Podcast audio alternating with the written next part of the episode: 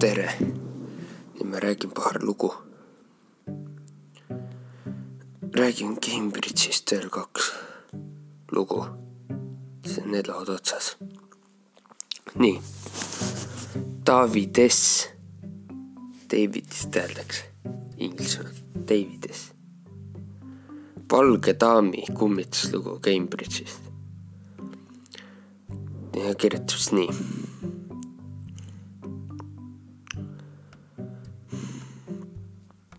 tuhande üheksasaja seitsmekümne kaheksandal aastal kolisime vanemate, vanemate ja noorema vennaga uude koju, Terringtoni, Terringtoni, St Clementsi.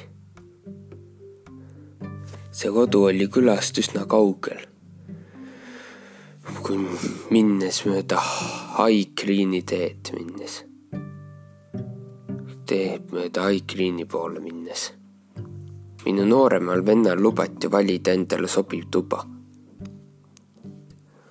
mõnel ööl ärkas mu vend kolist-, oma toas kolistades ülesse, valge daami tõttu ülesse. alguses ei, mu vanem, alguses ei huvitanud see mu vanemaid, sest ta oli tol ajal vaid kuueaastane see asi, see kolistamine seal jätkus siiski mõnda aega.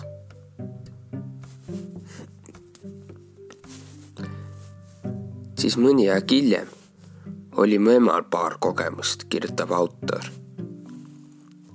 esimest korda ärkas ta üles ja nägi, öösel üles nägi midagi oma voodi juures seismas. siis kuulis ta ühel järgmine kord kuulis ta ühel õhtul lapse nuttu. ta ärkas üles ja mõtles, et see olen kas mina või mu vend, kuid taipas siis, et see oli lapse hüüd. ta kirjutab siin sulgudes, et ma ise olin tol ajal kaheteistaastane, mu vend kuueaastane ehk siis kuus aastat vahet.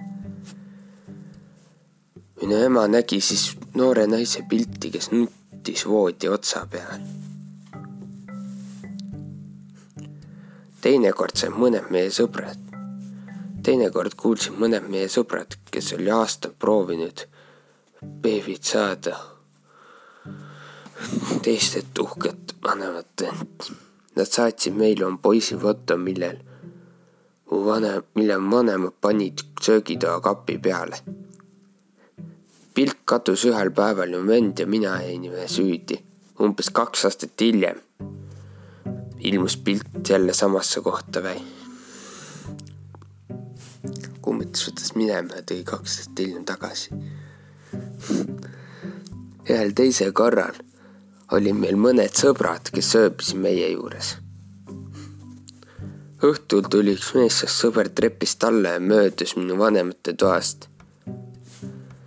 ning kuna uks oli pikki tuba nägi ta möödudes toas naist ja ütles talle tere.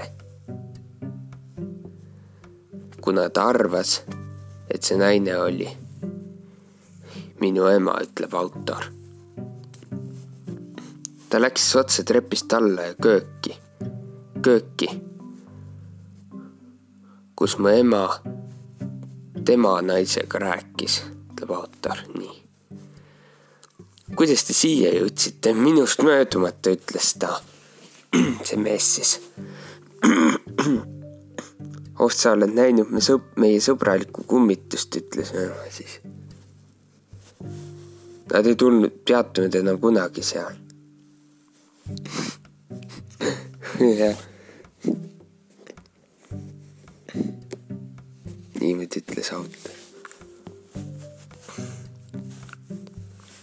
Üks lugu on veel.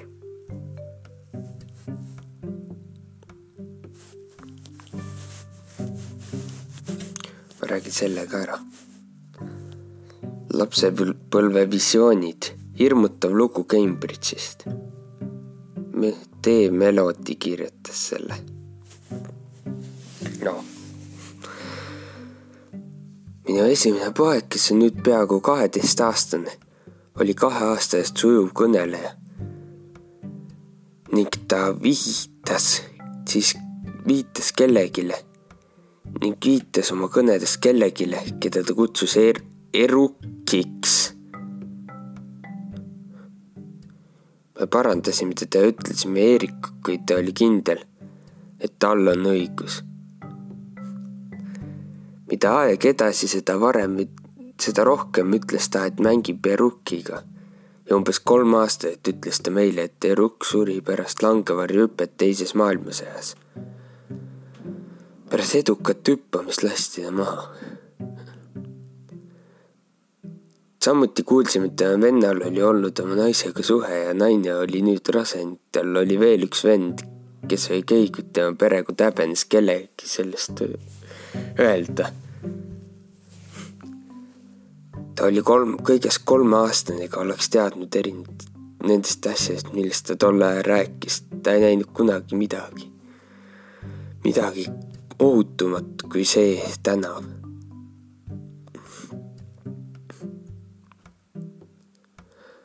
Mattew sündis ka maasikamärk, maasikamärgiga, mis oli samuti, mis aja jooksul tuhmus nagu nend-, temalgi.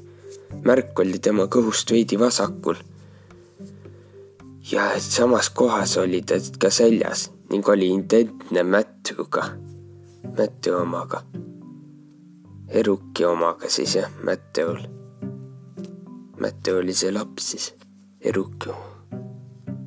sellised asjad olid ident-, märgid olid identsed ja toimisid, tuhmusid täpselt samamoodi. samas ta väitis ka, et Eruk tulistati maha selles piirkonnas, kus ta näitas.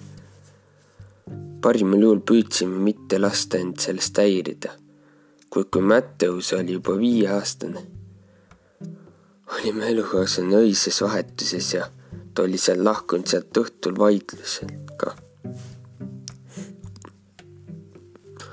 hommikul kella kolme kolmekümne paiku kuulsin välisust ja teesklesin, et jään, jään magama, sest ma ei tahtnud temaga rääkida.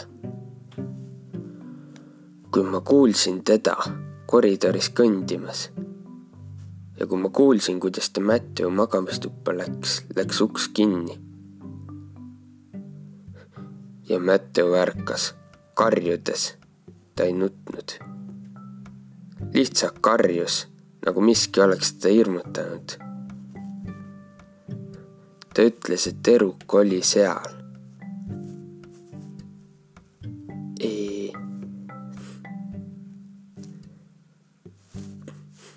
nii. Läksin elutuppa oma elukaaslast otsima, kuid teda polnud korteris, ta tuli paar tundi hiljem töölt koju nagu tavaliselt. nagu tavaliselt. Matteo, Matteo ei maininud pärast seda ööd enam kunagi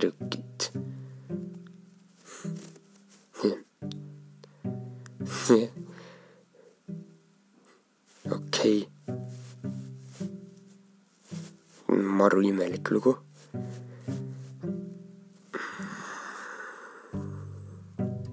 Erk on mingi väike laps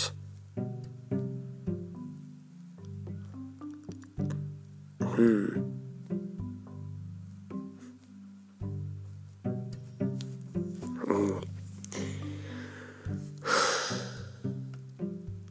Seruk Mätte juurde tuli. Eruk on mingi kuri vaim või? kes ta oli? oli see väikene poiss või? topeltgänger või?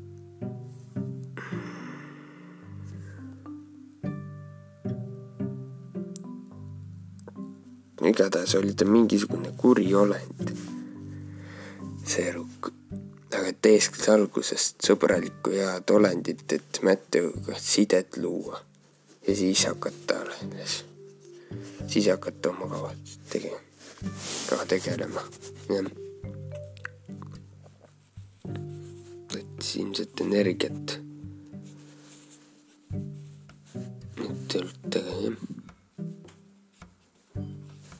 et sellisest olend välja ajada.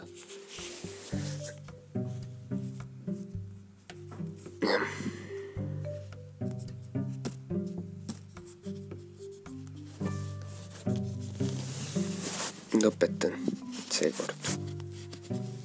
tšau.